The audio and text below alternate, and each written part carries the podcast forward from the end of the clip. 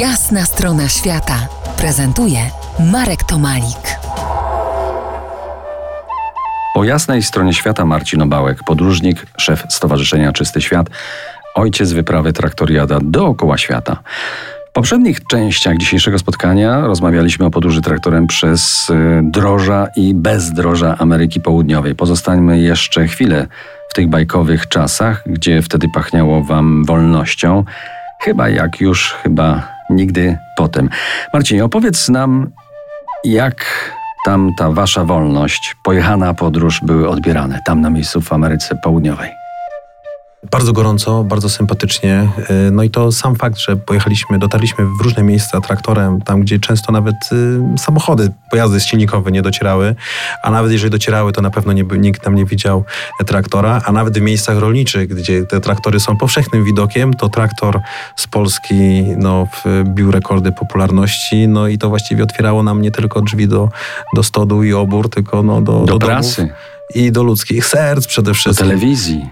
Było, było, było dobrze, było gorąco i bardzo, bardzo pozytywnie i tak pozytywnie pozostało do dzisiaj.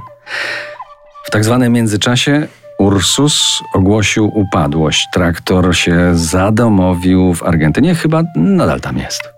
Tak, ten, ten pierwszy, pierwszy traktor, bo one w międzyczasie się troszeczkę rozmnożyły, e, został w Argentynie przez tutaj sprawy związane z masą upadłościową Ursusa, jakieś sprawy, syndyki, syndykowie, sprawy sądowe, no i to nas troszeczkę pogrzebało, e, pogrzebał ten upadek Ursusa, natomiast no, z racji tego, że e, czujemy się, e, można powiedzieć, kontynuatorami tej wizji, tego, tego znaka, znaka firmowego, ten Ursus jedzie z nami e, do końca świata i myślę jeszcze ten jeden dzień dłużej.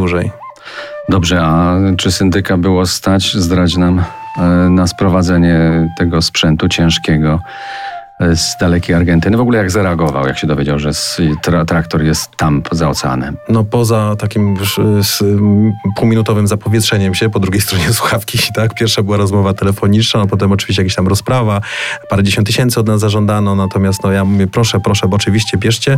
E, także jak wyszło, że to są e, no, kwoty e, przekraczające wartość tego ciągnika, no próbowano nam oddać ciągnik za symboliczną złotówkę wręcz.